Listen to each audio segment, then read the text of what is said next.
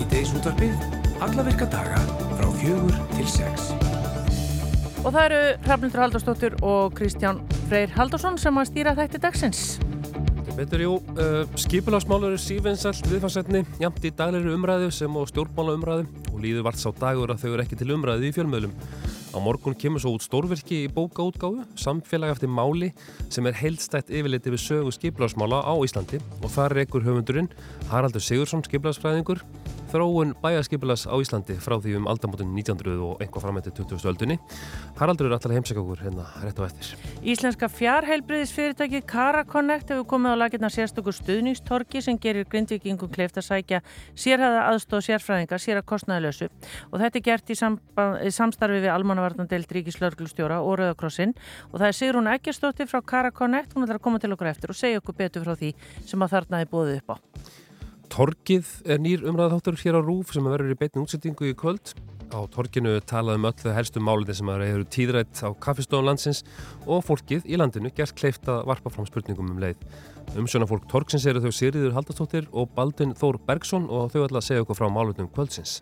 Á Batavegi kallast hagsmunahópur fólk sem að tekst á við langvarandi afleðingar umferðarslýsa og þar saminast þjónþólar, aðstætendur og fagaðilar sem í endurhæfingu á sann starfsfólki í stofnana og ímissa samtaka og vinna saman á úrbótum. Og þessi hópur stendur fyrir viðbyrði kvölda sem fjallar um málefnu fólks á Batavegi eftir alvarleg umferðarslýs og stofnandi hópsins Anna Linda Bjarnadóttir Líkt og við fjöllum hér fyrir helgi um þá afhendu samtök ferðarþjónustunar ímsa viðkenningar á 25, 25 ára ámælis rásætnum samtakana. Þar á meðal voru nýsköpurna velun ferðarþjónustunar afhend en það var Pink Æsland sem hlaut velunin í ár. Líkt og kunnut er þá býður Pink Æsland upp á ferðarþjónustu sniðna að hins eginn fólki og er þetta í annað sinn sem að fyrirtæki hlýtur þessi velun sem hlýtur að teljast harðla gott. Við ætlum að heyra í Efu Marju Þóranistóttur frá Pink Æsland í þættinu. Uh, opið fyrir íbúa atvinnureikundur í Grindavík frá 7 mátana til kl. 17 síðdegis og á milli 20 og 30 starfsmenn sjávarútus fyrirtækisins Torbjarnar HF í landvinnslu og á skrifstofu eru komni til vinnu og um 70 mann starfa alla jafna við landvinnslu fyrirtækisins.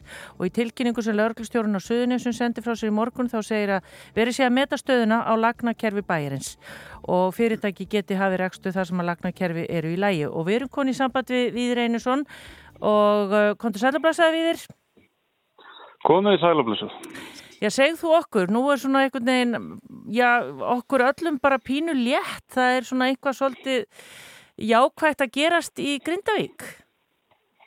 Já, heldur betur. Það er þetta mikið, mikið gott að það sé hægt aðeins að komast á stað og, og það var myndið þarna um helgina uh, lagnakerfin á hafnarsvæðinu og innaðakvarfinu og hluta, hluta því svæðir þannig og það er hægt að, hægt að byrja starfsemi í því svona vestan megin í höfninni getur við sagt, austan megin við höfninna eru, eru fyrirtæki þar sem er talsveit tjón á húsum og annað þannig sem að kemur í veg fyrir að all fyrirtæki geti, geti hafið starfsemi en, en, en þó er einhvað aðeins og eins og segir svona stóru fyrirtækin eru, eru komin á stað og ég veit að litlu fyrirtækin eru að gera það líka. Já, en hvað hérna eru þið ekkit svona kannski aðeins svona á varbergi að þetta, þið missi kannski svolítið tökin eða hvernig ætlið það að stýra þessu í framhaldinu?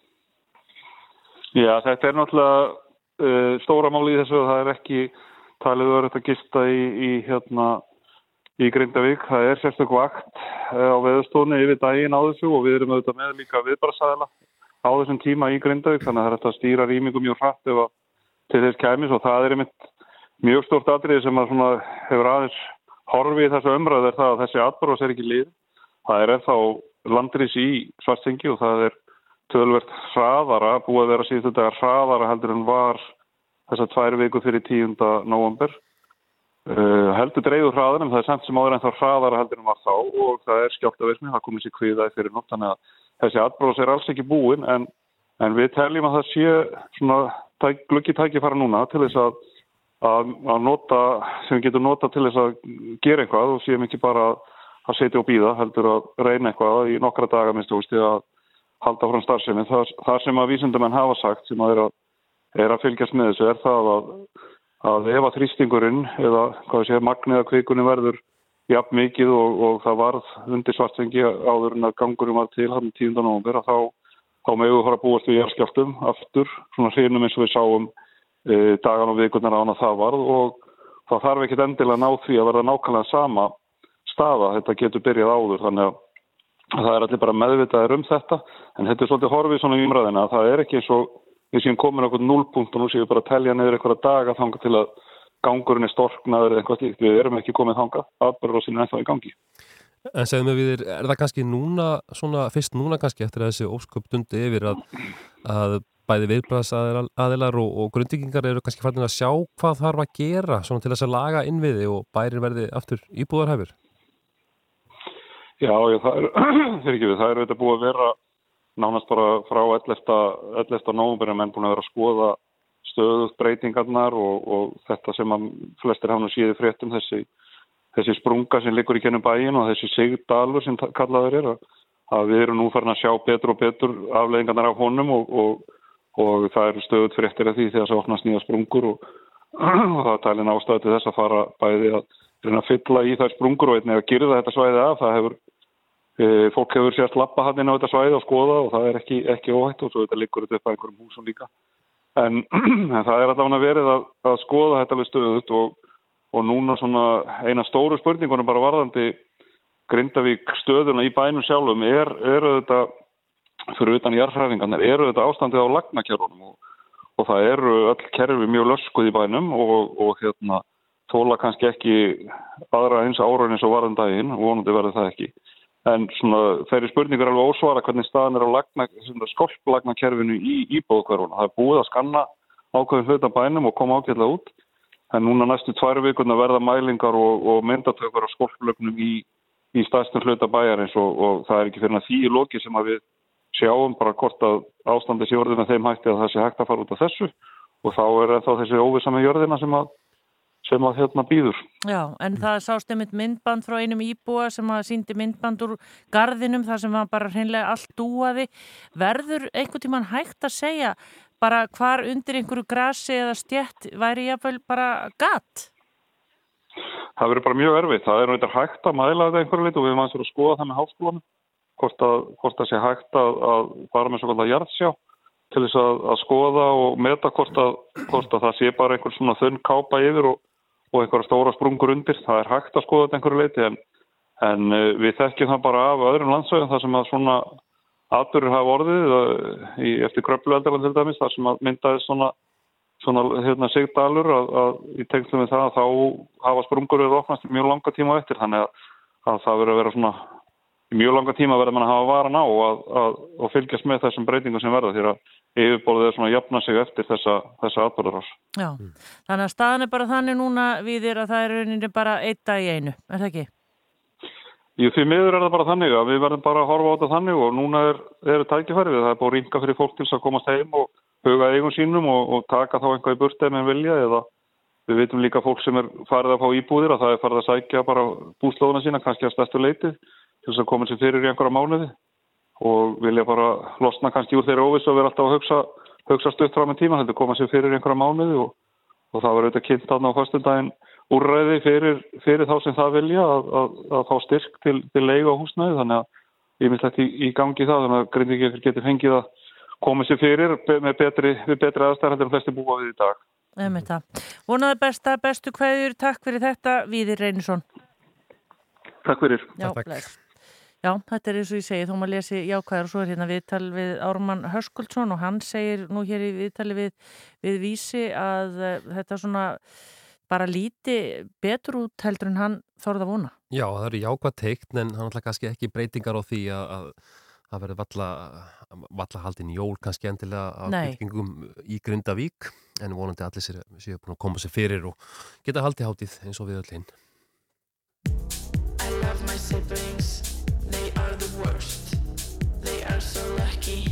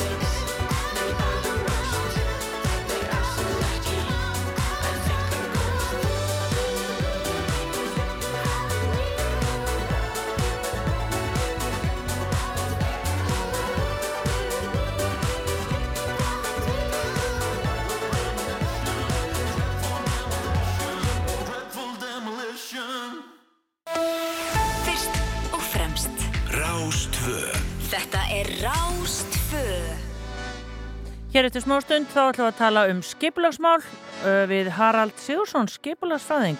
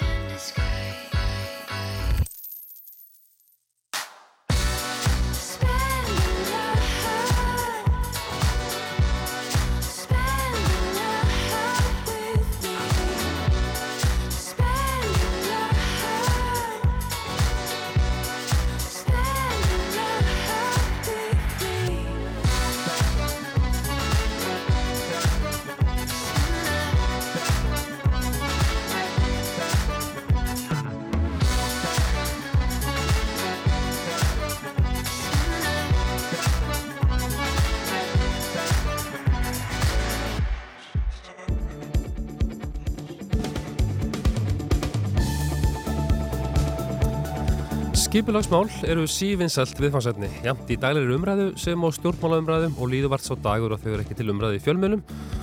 Og akkurát núna þá ætlum við aðeins að ræða um skipulagsmál. Uh, á morgun kemur út stórvirki í bókuðgáfu. Samfélag eftir máli heitir bókin sem er heilstætt yfirleitt yfir sögu skipulagsmála á Íslandi. Og það er einhver höfundurinn Haraldur Sigursson, skipulagsfræðingur, þróun bæjaskipulags á Íslandi frá því um aldamóti 1900. Haraldur er komin yngað til okkar, uh, til ham ekki með bókina Haraldur og má ekki bara byrja því að spyrja því svona út í tilurð þessa stórvirkis. Hvenær þú hófst handa og, og, og hvað fekkir til þess að ráðast í þetta verk? Já, takk fyrir það. Eh, Þessi bók er náttúrulega bísna stór og ítaleg og búin að vera lengi í vinslu og, og hugmyndin hefur gerist lengi með mér, raunin meirinn 20 ár uh, og aðeinlega byrjaði þannig, ég var að vinna á Skipla Ríkisins sem var þá ríkistofnun sem heitir Skiplastofnun í dag og ekk þessa hugmyndir ég var að vinna þar og sóttum styrkja á vísindasjóði um að rannsaka sög og þróun staða sem búa við snjóflóðhættu. Það var einlega upp, upphafið af, Mm. af svona þessari vinslu og ég rætti þetta við þáarendi skipilastjóra Stefán Tórs um hugmyndabók og fara að skrifa sögum bæja, sögu bæjarskiplas Íslandi eftir 1938 það var svona upphafið. Að því það lág fyrir bók eftir Pál Lindahl sem heiti Bæjarni byggjast. En síðan eru liðin mörg árarinni og þetta hefur mótast og þróast og, og farið á milli útgefenda líka. Og svona eftir því sem hefur liðið á vinnuna og ég hef kannski verið svona á fulli í þessu síðan 2015 að skrifa þessa bók sem er að byrtast núna en svona fókusin hefur farið svona mest á Reykjavík þannig að borgarskipulag Reykjavíkur er megin þátturinn í, í kannski, eða svona stæsti hlutin af bókinni en það er mi- mikil umfyllin líka um þróum bæjarskipulag út á landi, mm. sérstaklega fyrir hluta 20. aldar eh, í svona, eh, svona þessum helstu bæjum svo Ísafyrði og Hafnafyrði, Akureyri, Mm -hmm. Seyðisfyrði. Já, en hvernig sko maður ímynda sér sko þetta er hérna hundra ár, þetta er langu tími hvernig sko hvernig byrjaði þetta allt? Hver, hvernig byrjuðu menna skipulega byggð og svo miða við það sem þeir gáttu gefið sér að forsöndum eins og staðan er sko í dag eða setna? Já, það er góð spurning sko, ég er náttúrulega veldið svolítið upp í bókinni hvað er skipulag uh, í mínum huga við tölum svolítið um að upphaf skipulagsgerðar á Íslandi sé þegar við settum skipulagslög á Íslandi 1921 uh, en í mínum huga er rauninni, eru við að skipulækja þó við séum ekki með skipulagið á blaði eða fest í lög hvernig við erum að gera það. Og það voru náttúrulega til fyrir 21, 1921 það voru til byggingarsamþettir uh, í bæjónum, stærstu bæjónum og þar voru ákveðin ákveð um hvernig að móta byggðina. Þannig að, þannig að upphafið á sér langan aðdreðend og við vitum að saga þéttbílis í heiminum og borga er náttúrulega æði löng og uppsöfnu þekkingi tenslu við hvernig á, á að skipulegja byggð e, er hansi mikil en hins vegar kannski lítil á Íslandi það, það, og það, kannski það sem kem svolítið inn á í bókinni er að við að því þéttbílismyndun hófs og sent á Íslandi ekki fyrir undir lok 19. aldar ráði Reykjavík var raunin orðin bær aðeins fyrir uh, og svo bættist Ísafjörður og Akureyri við en, en, en almennt var þekking á því uh, og svona fagþekking á því hvernig þetta standa skipulaði þéttbílis mjög lítil. Þannig að þegar fræðin koma til landsins hugmyndafræðin um hvernig það er skipuleikja byggð og Guðmundur Hannesson Læknir var aðal frumkvöðullin í því að koma þeim fræðum á framfari og Guðjón Samúlsson líka raunni en þá er sett skipulagslög á grundvelli hans, uh, hans skrifaði bóku um skipulag bæja 1916 og skipulagslögin eru svolítið já, sett upp uh, út frá hans fræðum og, og það er kannski aðeins gaggrind í bókinni hvernig við fórum alltaf bratt af stað í að búa til framtíðarskipulag eins og aðra þjóðu gerðu á þess að vera með neina hefðir eða, eða, eða þekkingu til staðar. Ég sagði hérna í ingangi að, að þetta væru uh, já, sí, þetta væri sívinsalt viðfánsetni tala um skipularsmál og, og maður sér það bara núna á samfélagsmiðlum og viða að, að það er mikið af, af uh, skipularsfræðingum þarna úti. Finnst þér hafa öll umræðum skipularsmál, hefur hún ekki breyst talsveit mikið á síðustu árum, finnst þér? Jú, hún hefur bæði breyst og aukist alveg rosalega mikið. Mm. og, þetta, og skiljanlega, þetta er skipularsmálin eru náttúrulega, sko, skiplasmál er eitt, það er svona reglífin fyrir kannski þessa málaflokka sem fjallum þróum byggðar, það eru húsnæðismál, samgöngumál, umhverfismál, líðhelsumál og skipula byggðar sný, snýst náttúrulega um það að móta okkar nærumhverfi og þetta hverstaslega umhverfi og, og það er þá eðlilegt að allir hafi rauninni og eigi og hafi rétt að hafa skoðanir á skiplaðinu. Mm.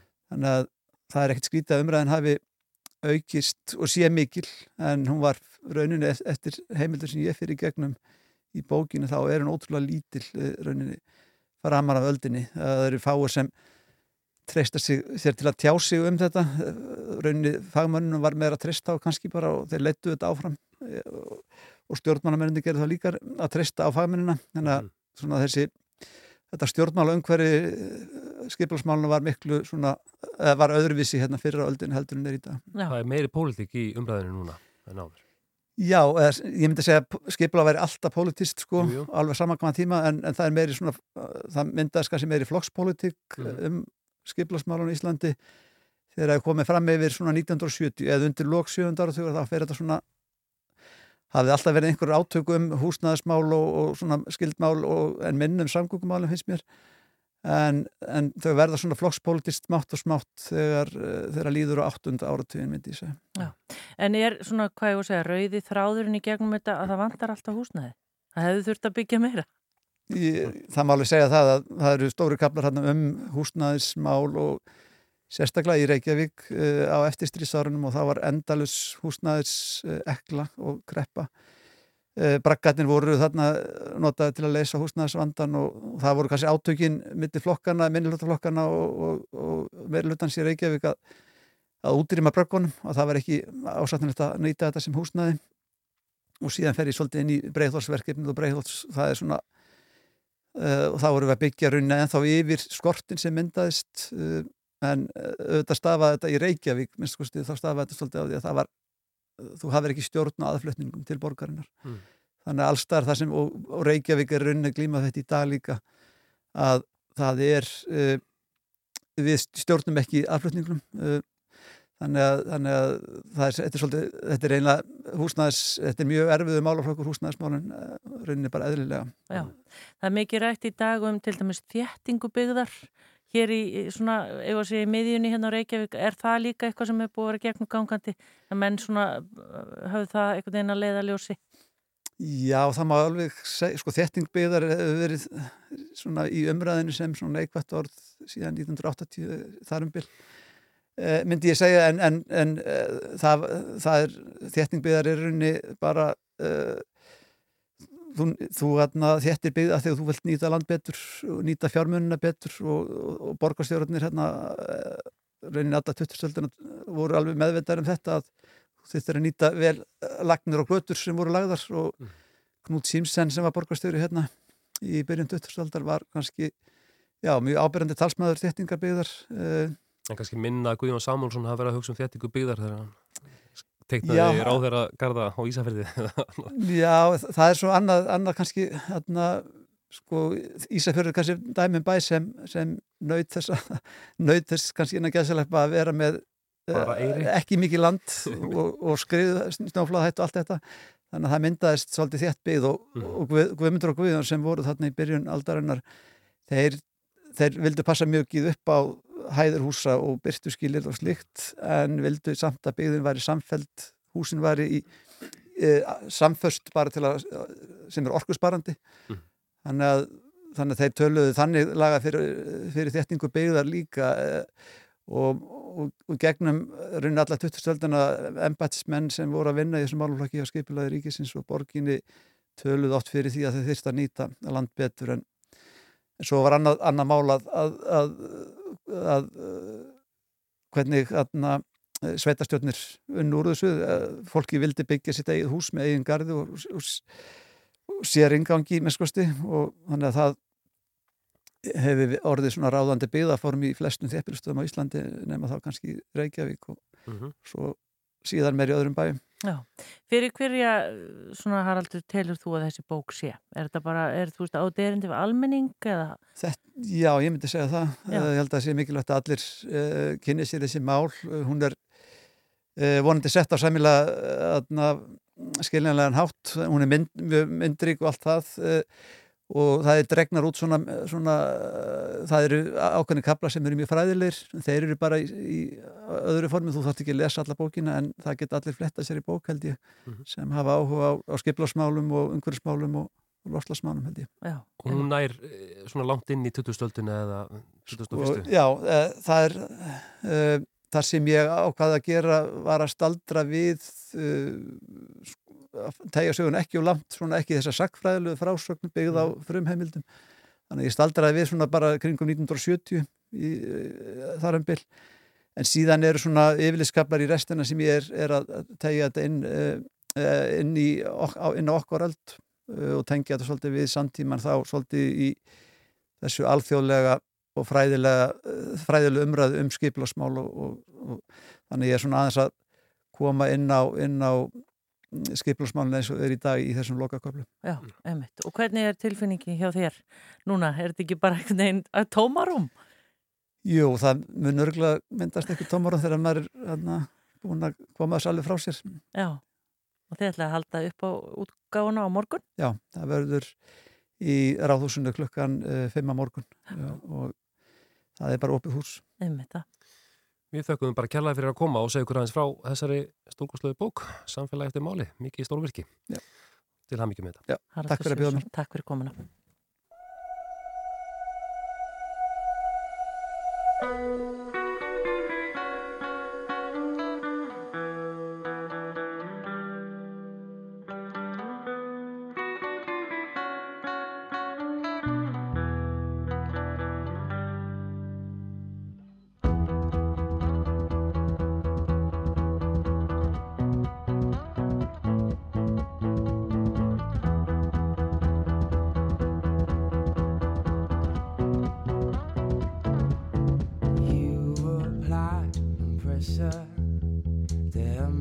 crystalline, and you've got the faith that I could bring paradise.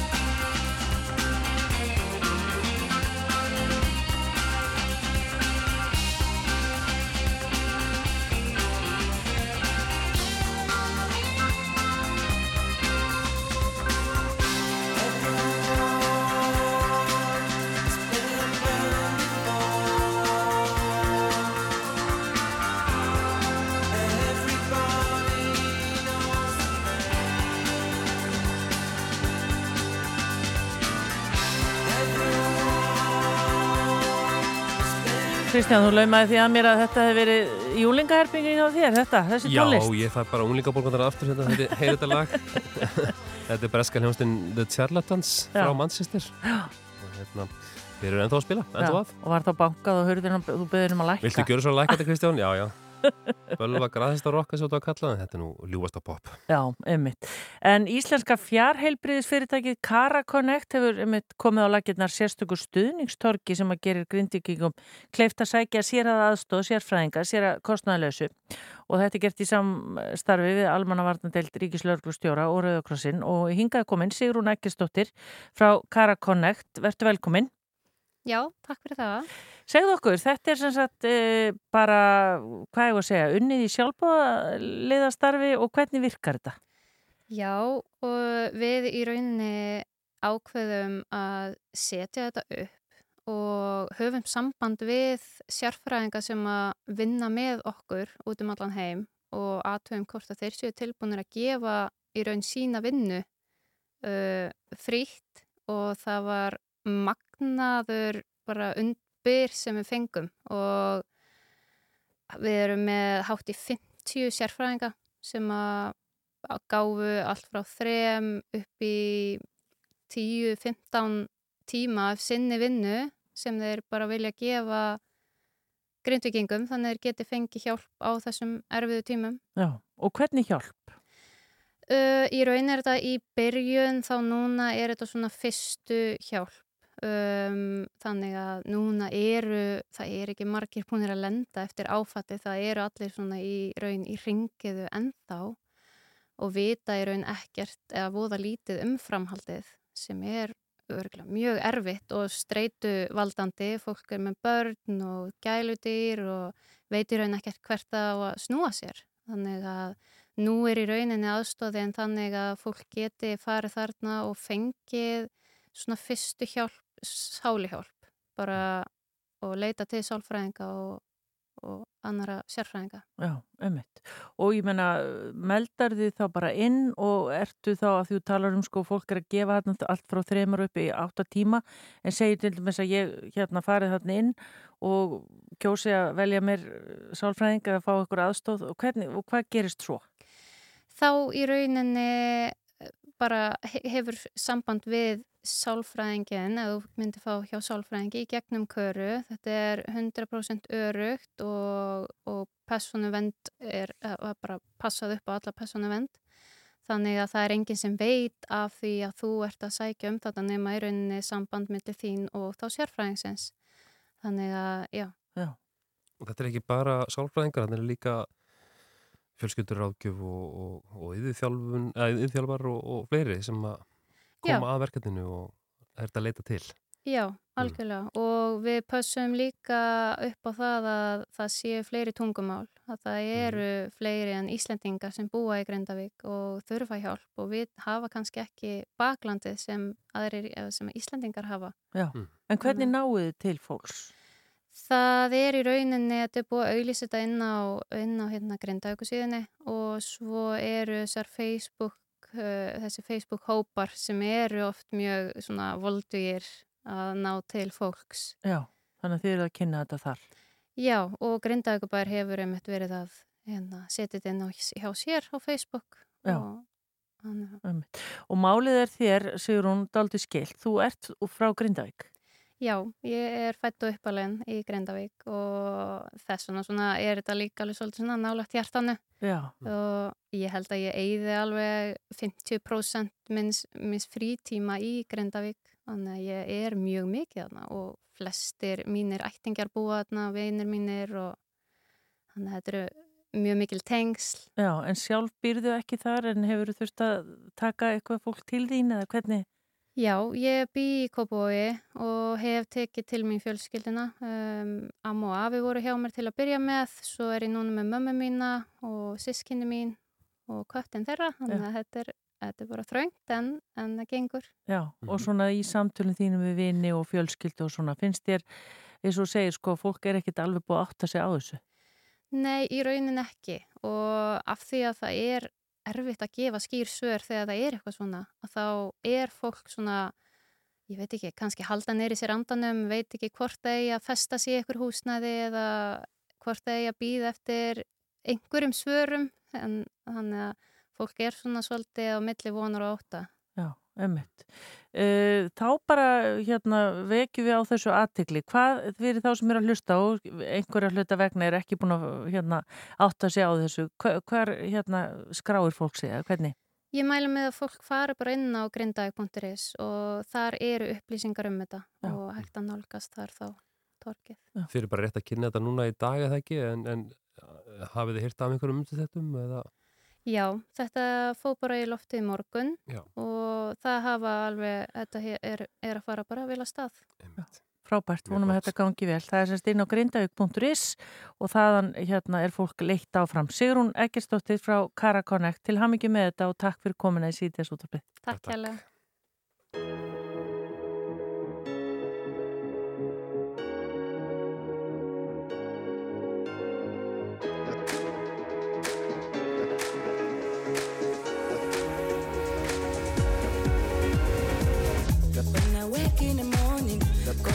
Silver surround me. All I need, all I see is colors and magic. Always there when I need it, like a sun through the rainbow. In the light, we can glow. Never forget that. Everybody wants, everybody needs different shades of love.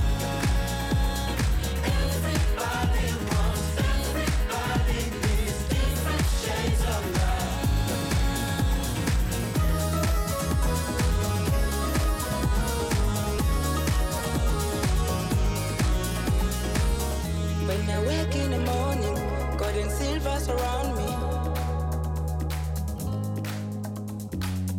Always there when I need it, like a sun through the rainbow. When I wake in the morning, gold and silver surround me. Always there when I need it, like a sun through the rainbow.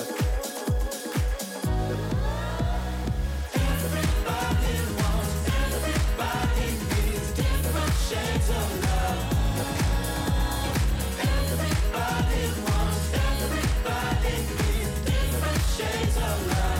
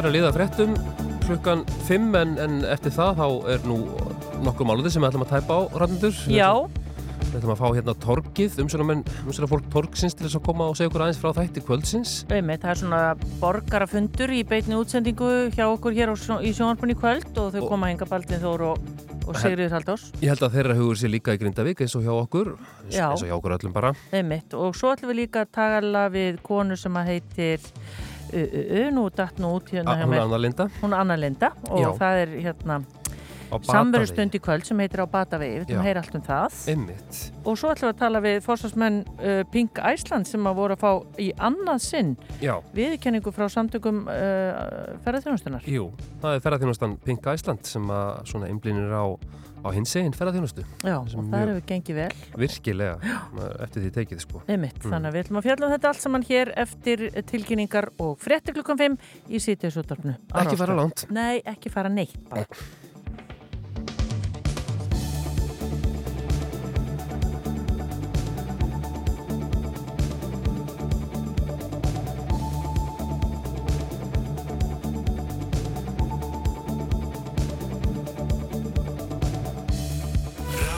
Rástvö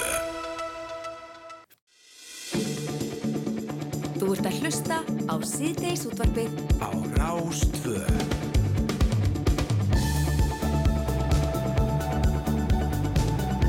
Samfell, uh, sítisútarbið, helsar aftur á nýju eftir fimmfrettir. Uh, torkið er nýr umræða þáttur hér á Rúf sem að verður í beitumsendingu kvöld. Á torkinu er talað um öllu helstu málandi sem að tíðrætt eru á kaffestofun landsins og fólkið í landinu ger kleift að varpast fram spurningum um leið. Þau eru komin yngað umsjóna fólk Torksins, Sigriður Haldarsdóttir og Baldurinn Þór Bergson og kannski bara byrjum á því að spyrja ykkur hvað er svona, hvað er í deglunni í kvöld á torkinu? Já, við ætlum að, að tala um Grindavík, Jæja. stöðuna þar og, svona e, reyna eins og við getum að, að líta til framtíðar með, með hérna, bæði gestum í sal og, og fólki í panel sem að vonandi getur gefið öll þau svör sem er hægt að gefa á, á þessum tímapunkti. Já, við séum þetta búin að óska eftir spurningu frá grindvikingum og, og þær á heldur betur streymt inn. Hérna, það er mjög margt greinilega sem að, sem að fólki finnst svona e, vera óljóst varðandi stöðuna og kannski framtíðina sérstaklega. Ekki bara risastóra spurningin sko hvenna getur við snúið aftur, heldur ímislega sem tengist húsnæði, atvinnumálum, e, skólamálum og, og, og fleiru. Hérna, tryggingamálu, þetta mikið spurt um þau. Mm. Þannig að það, það er mjög margt sem að greinilega hérna, brennur ennþá á, á, á grindvikingum og hérna held ég mikilvægt að fá svör við. Já, og þegar það voru náttúrulega komið fram í fréttum að voru þarna sérfræðingar í dag á störfum þannig að þið verður kannski með einhverja svona nýjar upplýsingar varandi það hvað, af hverju mennin komast og hvort við erum þá nær svarinu hvena með við snú aftur. Já, við, við, já, við munum náttúrulega spyrja um það. Ég meina við erum náttúrulega með fó- fólki sem veit allt um þetta. Hérna, við einu sem verður nú hérna til að mynda. Þannig að hann, já, ef einhver getur sagt eitthvað Hann er búinn til að fara um það. tvisvar í dag, held ég. Já, já. Já. Já. Við náttúrulega heyrum aðeins í honum rétt á hann, hann víði. Já. Já, þarna við það líka Katrín Jakobsdóttir og, Fannar Jónasson bæjarstjóri í Grindavíkubæ uh, já, og Ingi Björg Lilja sem stýrir þjónustumiðstöðinni og, og, og fyrir Grindvíkinga og, og, og fleiri Já, já, fáum þetta til okkar formann uh, sjómann og velstjóra sambandsins líka, þessist verkalýsfélag sjómann og, og, og, og velstjóra í Grindavík. Þannig að þarna verður svona hópar af fólki og eins og við segja og síðan fólki í sal sem að, hérna, bæði fólk sem hefur sendt okkur spurningar og svo fólk í salnum sem er- beru, beru upp ímsar spurningar sem að, sem að tengjast þessu.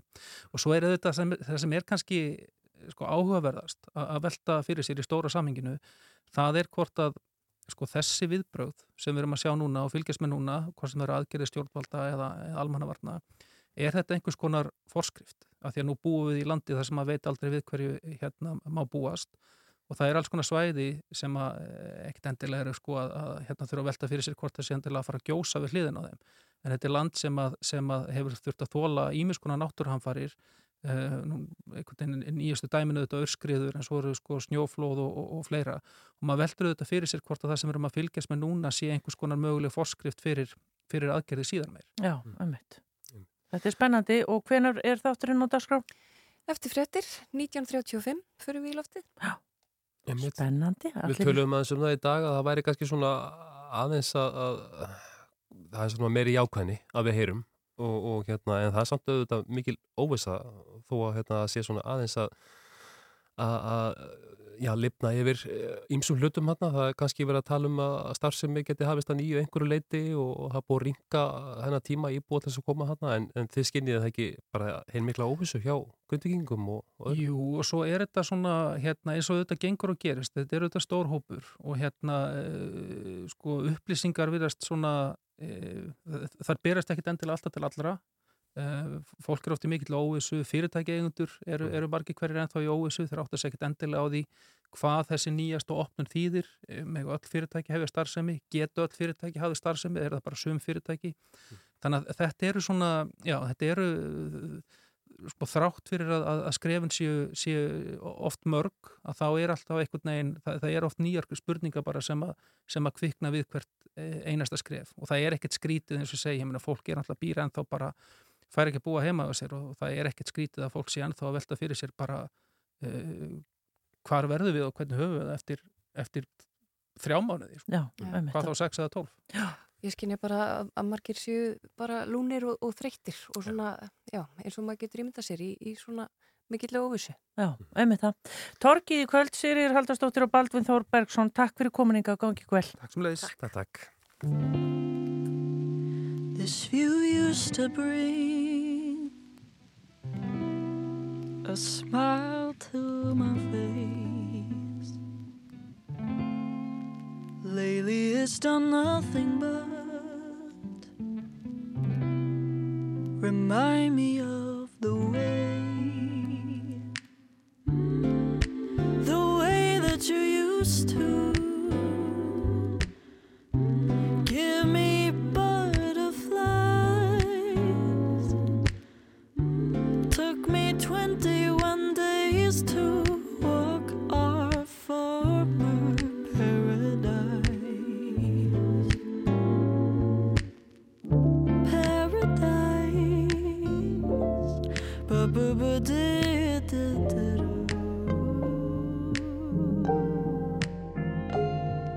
Step by step,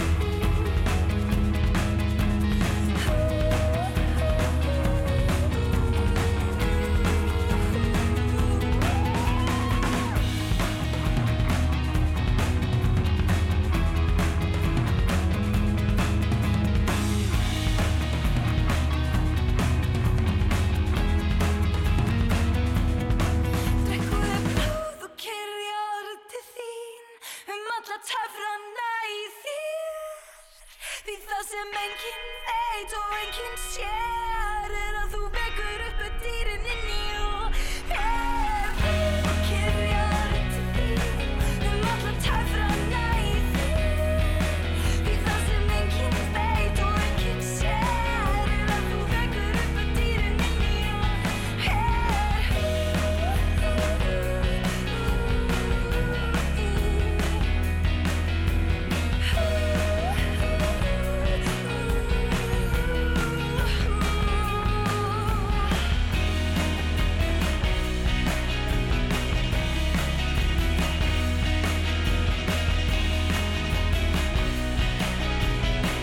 Þetta ljónstöðin Mammút og lag sem að heitir Blóðberg og uh, við ætlum aðeins að kíkja hérna á veðrið og ég ætlaði nú að vera tilbúin hérna með þetta stef en einhvern veginn tókst mér nú að klúðra því Kristján þannig að þú skalt bara byrja að segja okkur aðeins að veðrunu og það kemur í það. Já, já, Já, kemur já, stefið? Já, það kemur núna. Já, já. Þetta kom ekki flott stef. Jæja, hvað segja þeir? Settu tónin. Já, við skulum aðeins kíkja yfir horfur næsta sólarhingin. Austlægaða breytilega átt, 3-10 metrar á sekundu. Rittning, söðustan til, annars dálitir slitta eða snjókoma með köplum. En úrkomi lítið norða austalands, hitti um eða yfir frostmark. Þetta er svona einhverstað flakkandi hérna á milli. Mhm. Dálitir jél á víð og dreif á morgun en lengst af þurft á norður og vesturlandi. Og það fer heldur kólnandi, segir hér í huglæðingum veðurfræðinga á veður.is veðurstofinni. Einmitt. Þannig að þetta er svona, það gæti, já, já, gæti farið, rýtningi gæti breyst í, í einhvers konar snjó, snjójél. Já, og það ringdi mitt hér á Suðusturháttunni í gær og Mm. ég var bara hérna, þegar við vorum búin að vinna, þá var svona aðeins farið að rigna en, það skilaði sér í snjókomu til dæmis í bláfyllum. Já, en það fann maður alveg á því þegar ég var út í rýtningunni í gerð, sko, að það var, hún var svo, það var svo kallt. Já, maður, þetta var svona þykk rigning. já, akkurat, alveg, Alveg að verða slita. alveg að verða. Já, uh, við ætlum að tala á eftir við uh, konu sem að stendur fyrir viðburðu í kvöld sem að heitir Á Batavegi og þetta er sem sagt Uh, hvað ég að segja, þarna snýst þetta um málefni fólks á Batavegi eftir alvarlegu umferðaslis Mhm. en við ætlum að spila lag sem er ekki jólalag Kristjana því megum það ekki, sko, það er fyrsti des á, á föstudaginn Herri, ég, einmitt, ég get svo sagt þér það, þetta lag, þetta er nefnilega, sko, þetta er einhvers konar matrigali, tökulag, Já. hjá Pála Óskari Já. og mér finnst þetta að vera uppáhalds jólalagi mitt sem er ekki jólalag. Já, einmitt, en af hverju finnst þér að vera jólalegt? Eða? Skulum hlusta.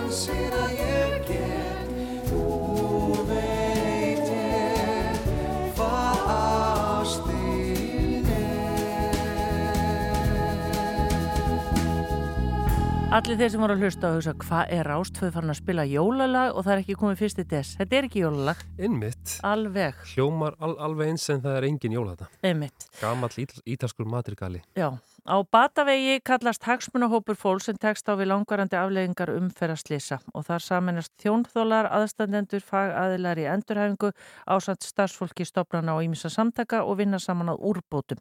Þessi hópur stendur fyrir viðburði í kvölda sem fjallar um málumni fólks á Batavegi eftir alvarleg umferðarslýs og stopnandi hópsins er Anna Linda Bjarnadóttir lögmaður og hún er á línu. Kontur sæl og blessuð. Já, sæl. Segð þú okkur, hvað hérna, svona, hver er til, auðvitað ég las þarna upp, sagt aðeins svona tilurð hópsins, en, en hvers vegna er þið að standa í þessu? Uh, Þórun Óskarsdóttir og ég sem erum báður, báðar þólendur alvarlegra umfæðslýsa hittumst uh, 2021 þegar ég ákvaða að minnast mín umfæðslýs á Arnarnesbrú. Það var eitt ár liði frá því og við ákvaðum í sammenningu að stopna þennan batahóp sem heitir Á Batavegi, er á Facebook og öllum aðgengilegur þar. Og við fundum báðar inn á það að, að stuðningur á jafningagrundvelli væri mjög hjálplegur. Að hitta fólki í söpum sporum. Og við vissum ekki af því að tilværi slikir hópar á Íslandi. Nei. Uh, ertu tilbúin, Anna Linda, að segja okkur aðeins af slísunni þínu? Uh, já, uh, á þessum degi fyrir þremur árum þá upplifði ég hræðilegustu sekundu lífsmins. Ég var að fara á Arnænisbrú, þetta voru kvöldmataleiti og ég var á grænu umfæraljósi. Svo bara allt í einu kemur þarna lítill nettur sportbíl, keirir yfir á rauðum umferðarljósum og inn í umferðina og, og ég var svo óhættin að verða fyrir barðina á þessari mannesku. Misti stjórn á bílnum sem ég var á, þrátt fyrir að vera á þryggjartonna jæppa, kastaði upp á umferðareigu þar sem jæppin klesti, tvennar öryggistálgrindur og þarna var bara mitt líf komið á kvolf sem sagt frá þessum tímapunkti.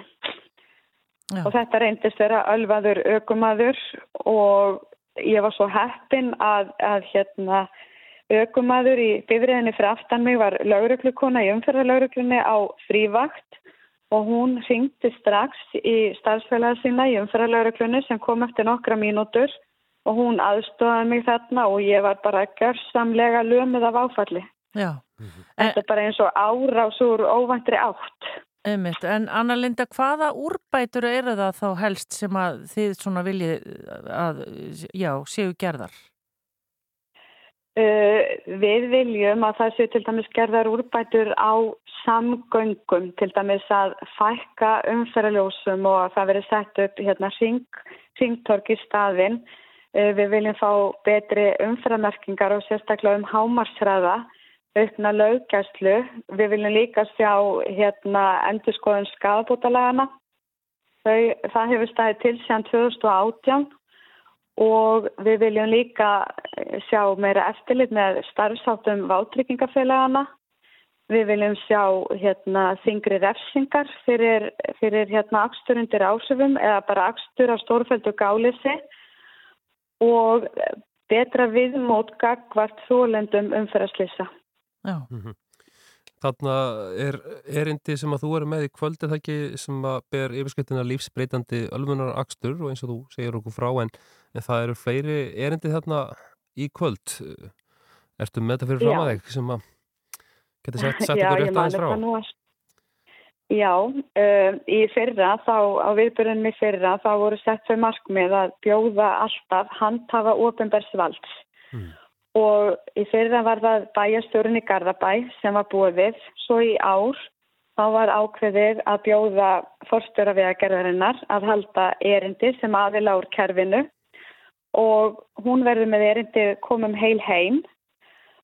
Og bæði vegagerðin og Garðabær eiga aðild að núverandi framkvæmdum á Arnarnusbrú þannig að þetta er svona ennþá tengt brúnni Já. og svo er Þórun Óskarsdóttir, hún verður með erindi, eh, hérna, með minnir að heiti eh, margt má til betri vegar færa. Einmitt. En Anna Linda, snýst þetta um úrbætur í Garðabæ eða á þetta bara við eh, allstæðar? Þetta á í rauninni við allstæðar en við erum svona smátt og smátt að, að stækka viðmiðin, stækka og efla hópin og stækka þannan viðburð og færa þetta svona meira í áttina að umbótum á samfélaginu. En þegar ég byrjaði hitti fyrra eh, með viðbur sem það var endar að kveika á kerstum á brunni að þá stóð aldrei til að ganga svona langt. Þetta hefur bara þróast smátt og smátt. Já, og þetta er kannski fyrir okkur hinn sem að höfum ekki slíka reynslu í farteskinu. Við lesum um og heyrum af umferðarslesum en við kannski veltum því aldrei fyrir okkur ef við þekkjum ekki fólki bara hvað tekur við? Hversu mikil úrvinnsla þetta er, getur verið? Já, það kemur yfirleitt aldrei fram. Það er sagt frá áraugstur. Mér finnst þetta fjölmiðla mjög duglegir að greina frá þeim og þetta eru mikið lesna fréttir en þessum áraugstrum eða afleggingum þeirra er sjaldan eða aldrei fyllt eftir en ég verð samt að segja að sérstaklega síðustu tvö árin uh, finnst með fleiri tjónþólar vera að stíga fram og segja frá sinni reynslu. Kannski er ég að taka meira eftir því en mér hefur finnist að vera ábyrjandi. Emið það. Og hvar er þessi viðbyrður í kvöld, Anna Linda? Uh, Garðabar stiður við þennan viðbörð og hann verður haldinn í salbæjarstjórnar Garðabæjar sem heitir Sveinatunga og er staðsettur á Garðatorki í Garðabæ. Og klukkan átta? Og viðbörðun hefst klukkan átta, já. Einmitt. Og við ætlum líka að bjóða upp á tónlistaratriði. Við fengum styrk og, og hérna ætlum að bjóða upp á tónlistaratriði og léttar veitingar í lókinn. Og hérna og svo verður við þórun aðgengilegar fyrir hérna spjall og, og, og tillögum að úrbótum. Já, við spyrja því alveg í blálókin Anna Linda, hvernig þið líður í dag? Uh, mér líður miklu betur að öllu leiti og líkamlega enginni eru lítil sem engin hindrun fyrir mín markmið en ég er enna klíma við hérna, skert hugrænt úthald. Og núna frá því sumar að þá hefur fókusin verið á að byggja það upp með markmið sem hætti. Og ég hef hérna, notið til þess aðstöðar sálfræðinga bæði taugasálfræðinga og, og, og bara sálfræðinga og það er svona smátt og smátt að koma og mér með fyrir fram þá held ég í vonina að ég verði eitthvað tíman söm en, en hérna, en þetta er búið að vera ærin fyrir höfn og ég er staðráðin í því að nýta þetta til góðs fyrir samfélagið.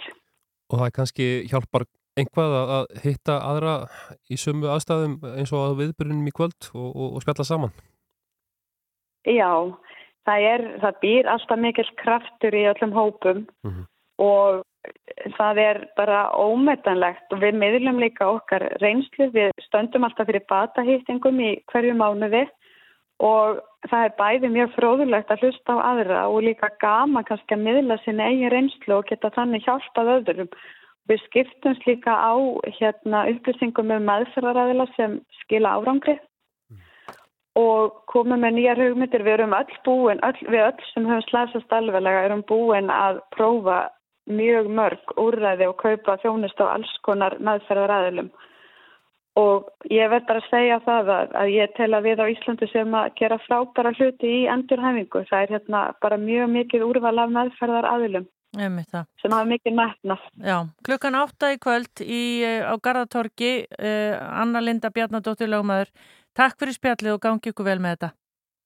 Takk kærlega fyrir það. Bless, bless. Verið bless. Bless. bless. Ég var í gæri, þurfti nefnilega að fara erendast svolítið eftir útsendingu hérna. Já. Fór uh, á bílnum hérna uh, aðeins í áttuna miðbænum.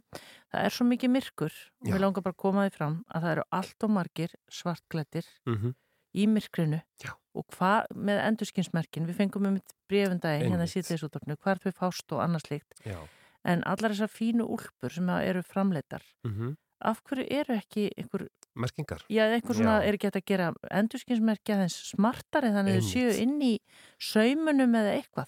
Þessi góð áminning, Rallindur, eins líka með, það er svo margir svarti bílar líka. Dökkir bílar sem eru á feðinni og ég kannski bara ítrykka það við, við hérna, bílstjóra þeirra bíla að hérna, þeir kannski sjást ekki eins vel í þessu rosalega myrkri Nei. og þeir þurfa bara að gæta sín enda betur.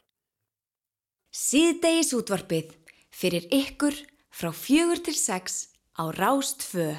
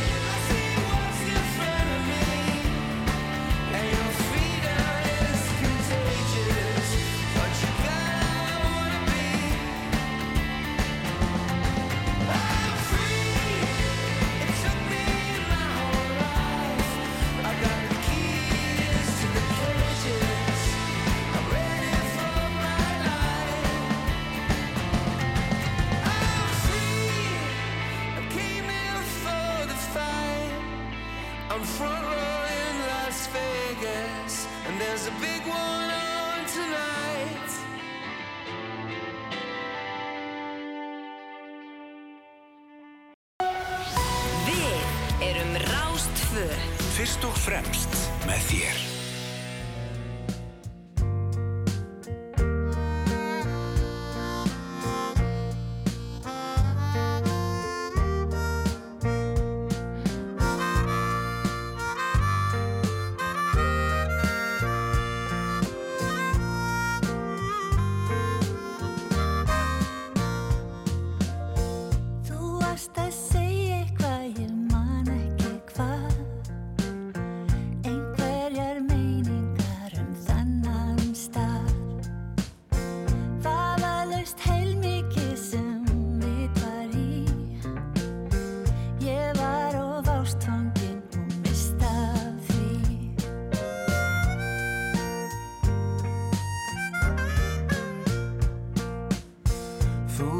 að segja mér frá sjálfri þér. Satt best að segja fór það fram hjá mér.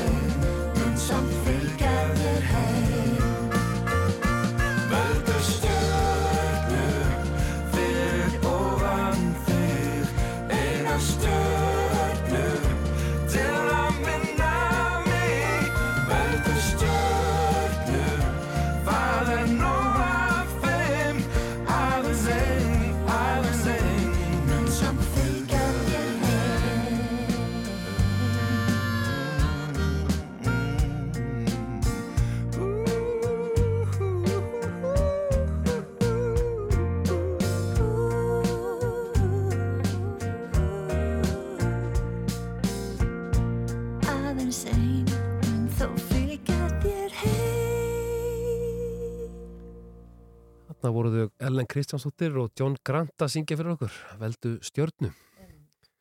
Þannig að hljómaðan John okkar Grant eins og, eins og við öll hinn frábært tungumála maður Algjörlega. og söngvari. Já Líkt við fjöldum um fyrir helgi þá afindu samtök ferðarþjónustunar ímsar viðkenningar á 25 ára ammali sástöfnu samtakana og uh, þar á meðal voru nýskupuna velun ferðarþjónustunar afhend en það var Pink Æsland sem að hlaut velunin í ár.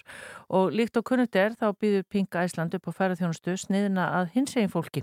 Og þetta er í annað sinn sem að fyrirtæki lítið þessu velun sem lítur að teljast harla gott. Og í símanum er Eva Maria Þórunnsdóttir frá Pink Æsland Sælblössuð Heil og sæl.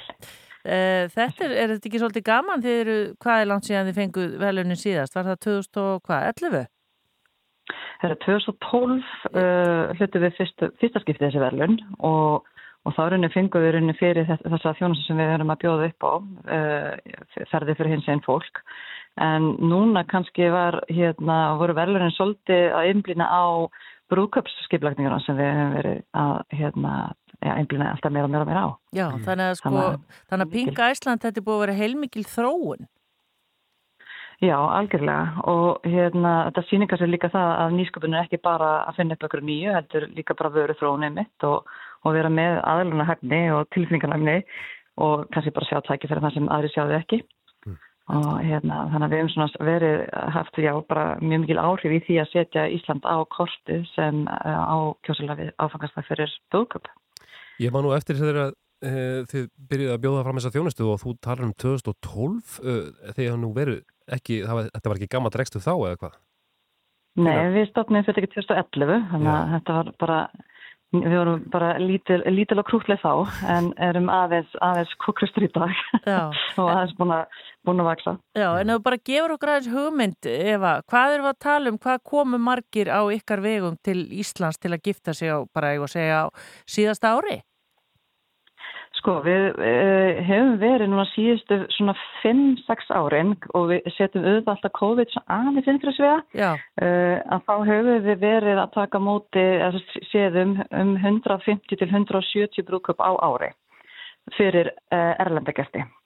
Og, hérna, og það sem, sko þessi brúköp eru öll, öllum stærðum og gerðum og sumir eru bara pínu lítið þar sem jafnvel bara pari kemur og gerir vel við sig en önnur eru, telja kannski upp í 120-170 manns og þannig að þetta er náttúrulega heilmikið fjöldi og það sem kannski við svona höfum oft bent á, þetta er kannski gestir sem væru ekkert endilega að koma til landsins þá gesti í brúkupinu þeir væri kannski endilega að koma til landsins nema út af því að það er mitt brúkuprómyndan og þá nýta þetta ferð og ferðast dagana fyrir og eftir. Já, en, en fyrir hérna hins egin fólki, þar sem að þið hefði svona seint í áran rás, hvað er verið að bjóða upp á þar til dæmis?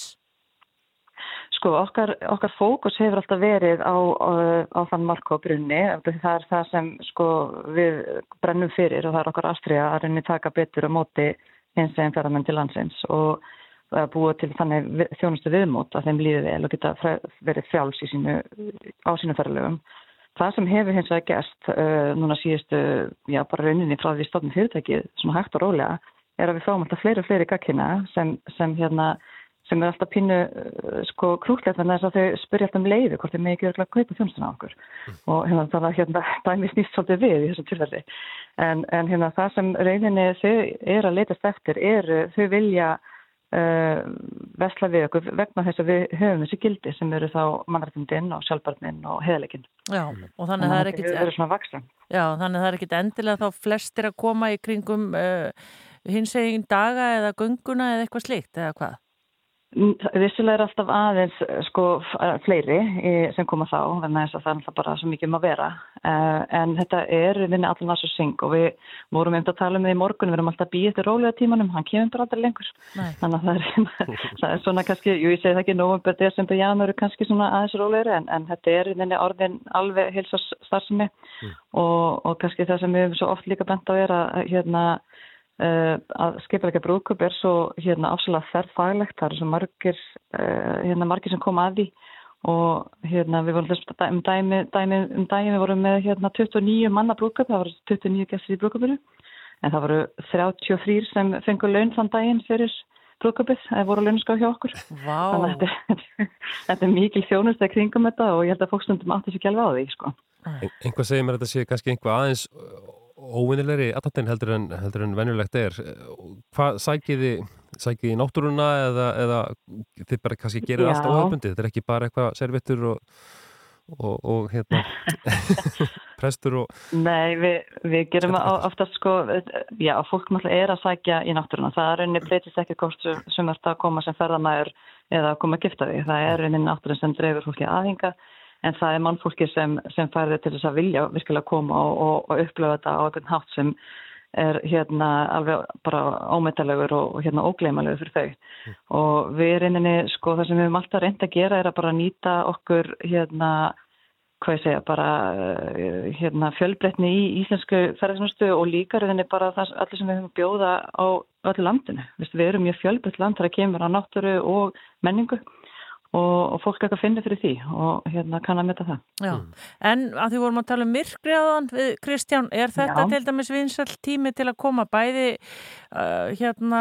já, fyrir alls konar fólk og líka til að hérna gifta sig? Já, algjörlega. Þetta er, hérna, myrkrið er hillandi líka og auðvitað náttúrulega koma náttúrufaktorina inn í eins og, og norrljósinn og, og náttúrulega bara kuldinn og, og, og þetta er svolítið kaffi tíman sko þegar dagarnir eru svona stuttir.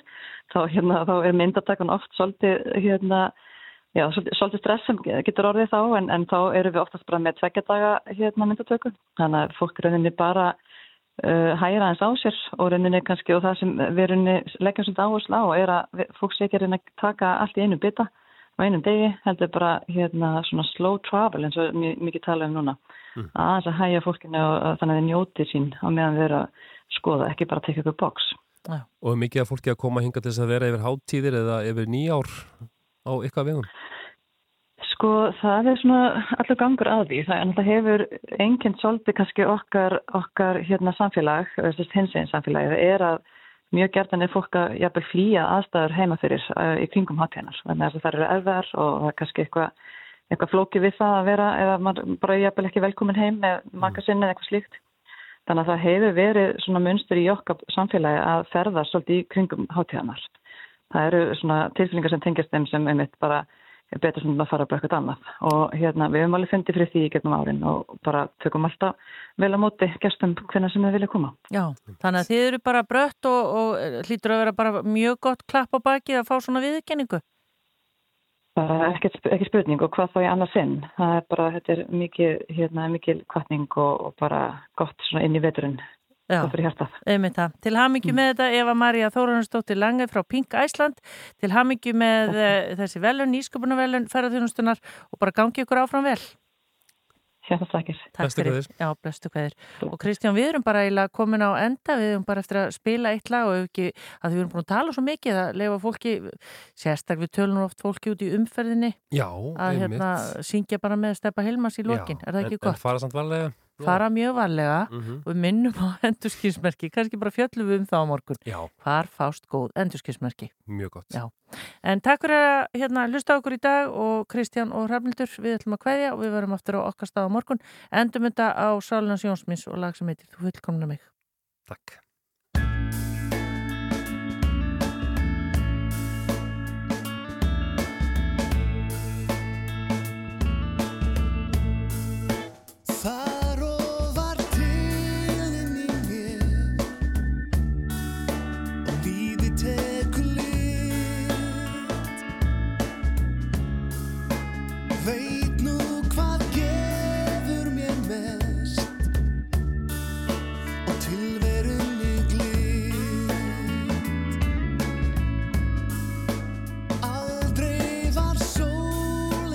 skær